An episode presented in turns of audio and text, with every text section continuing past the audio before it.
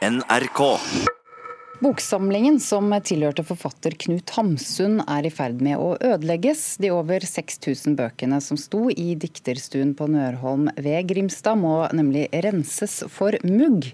Stiftelsen Nørholm trenger to millioner kroner fra det offentlige, hvis ikke går samlingen tapt, advarer styreleder Terje Bodin Larsen bevaring av nobelprisvinneren Knut Hamsuns arbeidsbibliotek, som ellers vil gå tapt, bøkenes tilstand i dag tatt i betraktning, bør være en prioritert oppgave for Kultur-Norge. Særlig tatt i betraktning de beskjedne midler som skal til for å oppnå dette. Sier advokat Terje Bodin Larsund, styreleder i stiftelsen Nørholm og Elinor Hamsuns legat til Nørholms bevaring. Så dette er midler til sikring og istandsettelse av eh, Knut Hamsuns eh, arbeidsbibliotek, slik det sto på Nørholm eller i diktestuen i, i hans tid.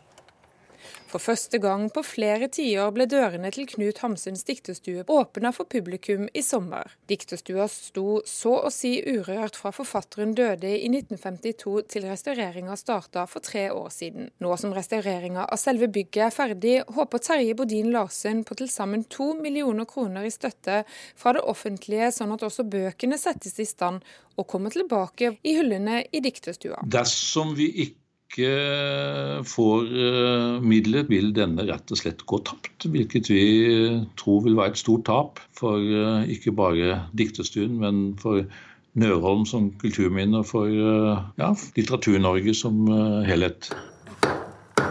6200 bøker, manuskripter og fotografier ble fjerna da restaureringa av Diktestua starta for rundt tre år siden. Siden har bøkene vært lagra under kontrollerte forhold, under påvente av å bli sanert. Hvert enkelt bind må renses for muggsopp og muggsporer, og der det er skader på papir og omslagsbind, må det repareres. Flere av bøkene har dedikasjoner fra andre forfattere til Hamsun.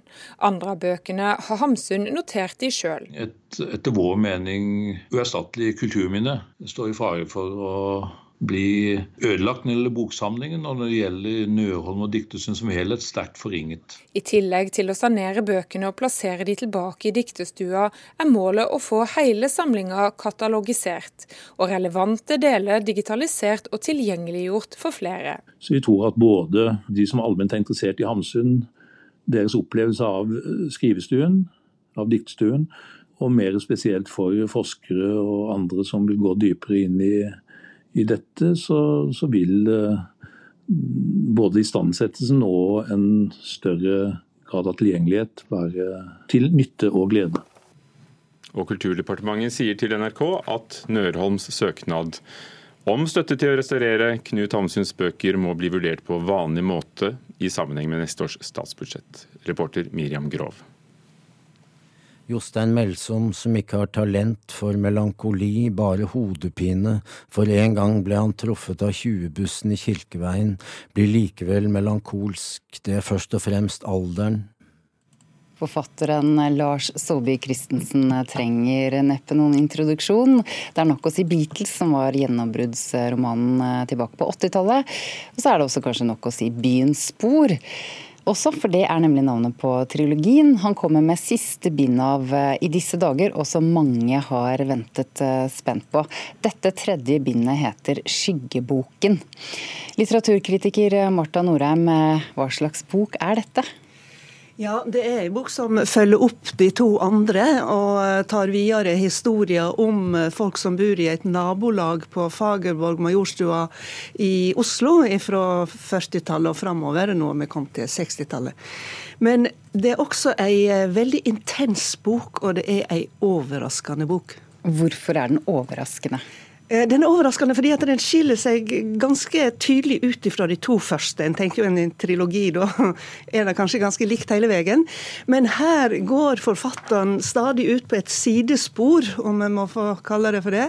Eh, der han dels diskuterer om han har gjort litt av før, ikke så mye, men der han også drar inn seg sjøl i samtida, altså i vår samtid, eh, med en kreftdiagnose, med diskusjoner omkring samtidige spørsmål eh, med små portrett av eh, forfatterkollegaer osv. Så, videre. så han han er sjøl til stede i romanen på en helt annen måte enn da han har vært tidligere. Forfatteren, altså. Forfatteren, ja. Likevel er det gjenkjennelig sikkert for de som har lest de to første. Men hva skjer i den siste boken? Ja, alle er jo blitt eldre, og barna er blitt voksne. og De står jo nå plutselig eh, ved store livsvalg, som alle ungdommer gjør. Men de gjør det akkurat i åra 68-69, da generasjonskløfta virkelig utvider seg. Og etterkrigsgenerasjonen som har lappa og sydd, ser at ungdommene sitter fillete og lørvete i Slottsparken. Det er tungt å svelge slikt. Eh, de kvinnene i eh, Røde Kors på Fagerborg, som har vært en sånn rød tråd igjennom hele med små eh, avsnitt fra eh, referatene der, de konstaterer litt melankolsk at folk går ikke på basar lenger og kjøper lodd til et godt formål og kan vinne en vams i festlige farger. Det, det er liksom ikke sånn lenger. Så velstandsøkningen går mer inn i eh, forbruk og, og statusvarer. og Bare sånne små grep som det gir et veldig, veldig presist og veldig eh, fargerikt, syns jeg, eh, tidsbilde, som jo Saabye Christensen er veldig god til å lage. Det er altså både gjenkjennelig handling, men også nye grep. Da er jo spørsmålet fungerer det? Ja, jeg var litt engstelig i begynnelsen. fordi at De aller fleste vil jo helst være inne i historien og se hvordan går det med Mai, hvordan går det med Jesper osv. Så sånn. Eh, men du blir stadig rykka ut. Eh, og etter hvert så, så, ser jeg at dette her er på mange måter nødvendig. Altså Det er et sterkt eksistensielt trykk her. Det handler om døden. Bøkene til Saabye Christensen handler alltid om døden. Eh, så det er ikke noe nytt, men her får det jo et ekstra alvor. Eh, så hele, hele denne her blandinga som jeg kaller for et sidespor i tillegg til byens spor, det syns jeg fungerer veldig utmerket, og det blir en sterk eh, leseoppleving. Saabye Christensen eh, har altså vært veldig syk, og han har jo sagt at dette er den siste boken hans. Men tror du på det? Jeg tror ikke på det. Uh, men jeg tror han trodde på det når han skrev det i boka.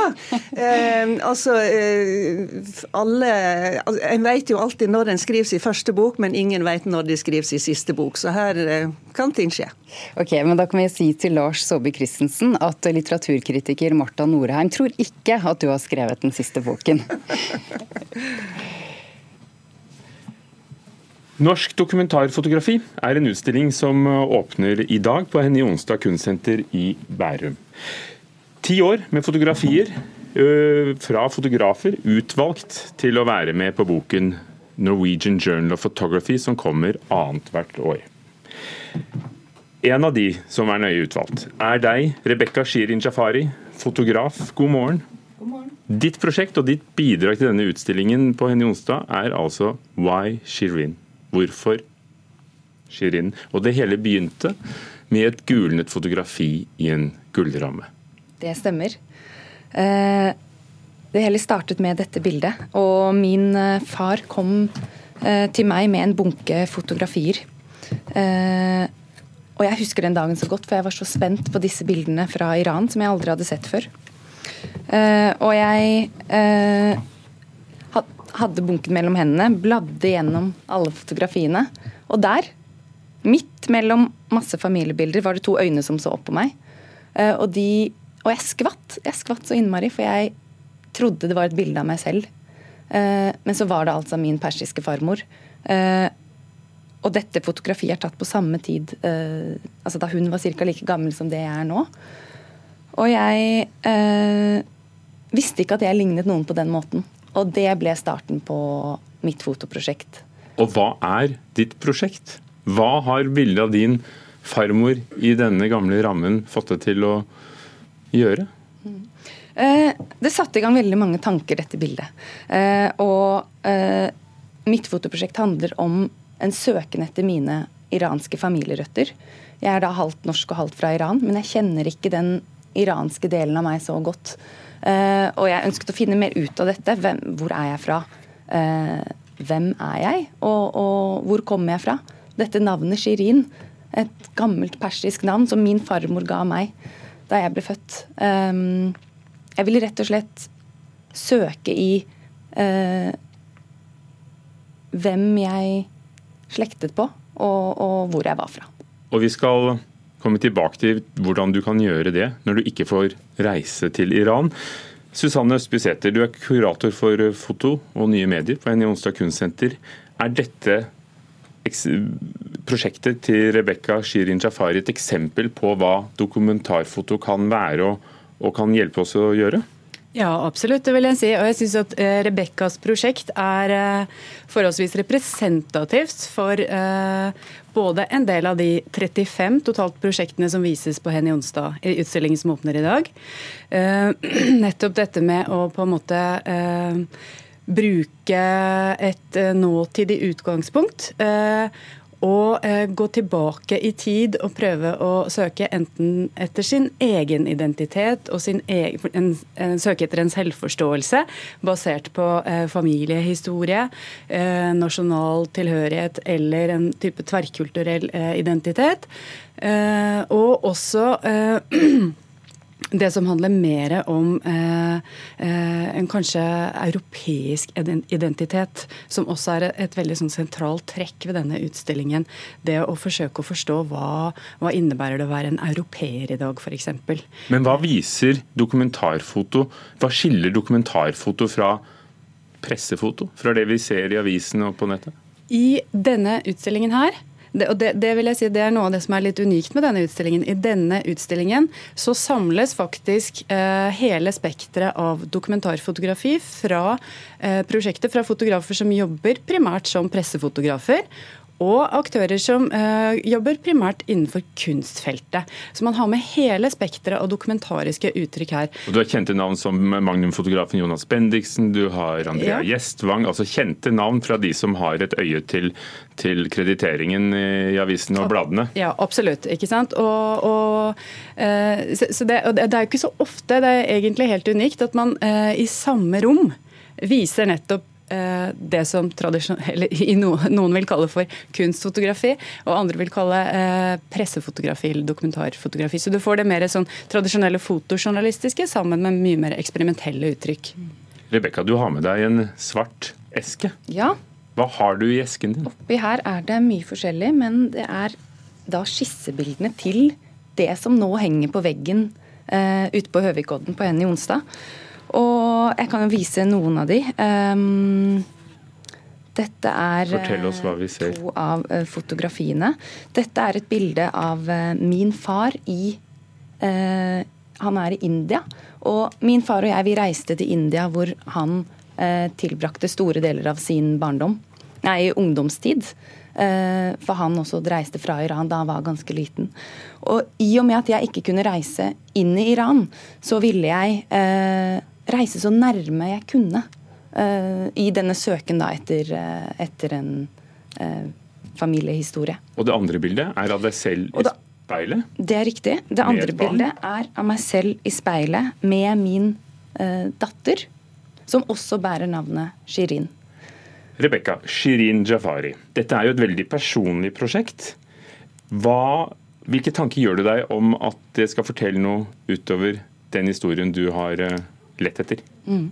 Eh, det er en stor motivasjon for meg eh, i dette prosjektet. Det at det er flere enn meg som har denne multikulturelle bakgrunnen. Det er så mange nå som eh, ikke bare er én ting, som ikke bare er norske. Eller det ene eller det andre.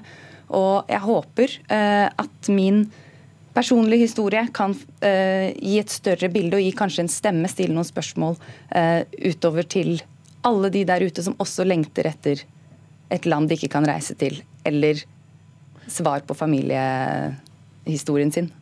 Er det sånn, Dette er jo da fotografer plukket ut til Norwegian Journal of Photography. og Som vi skjønner av navnet, så er det internasjonalt anlagt. Er det sånn at det norske fotomiljøet blir lagt merke til? Ja, absolutt. Eh, du nevnte jo tidligere Jonas Bendiksen, som jo har et eh, stort internasjonalt nedslagsfelt.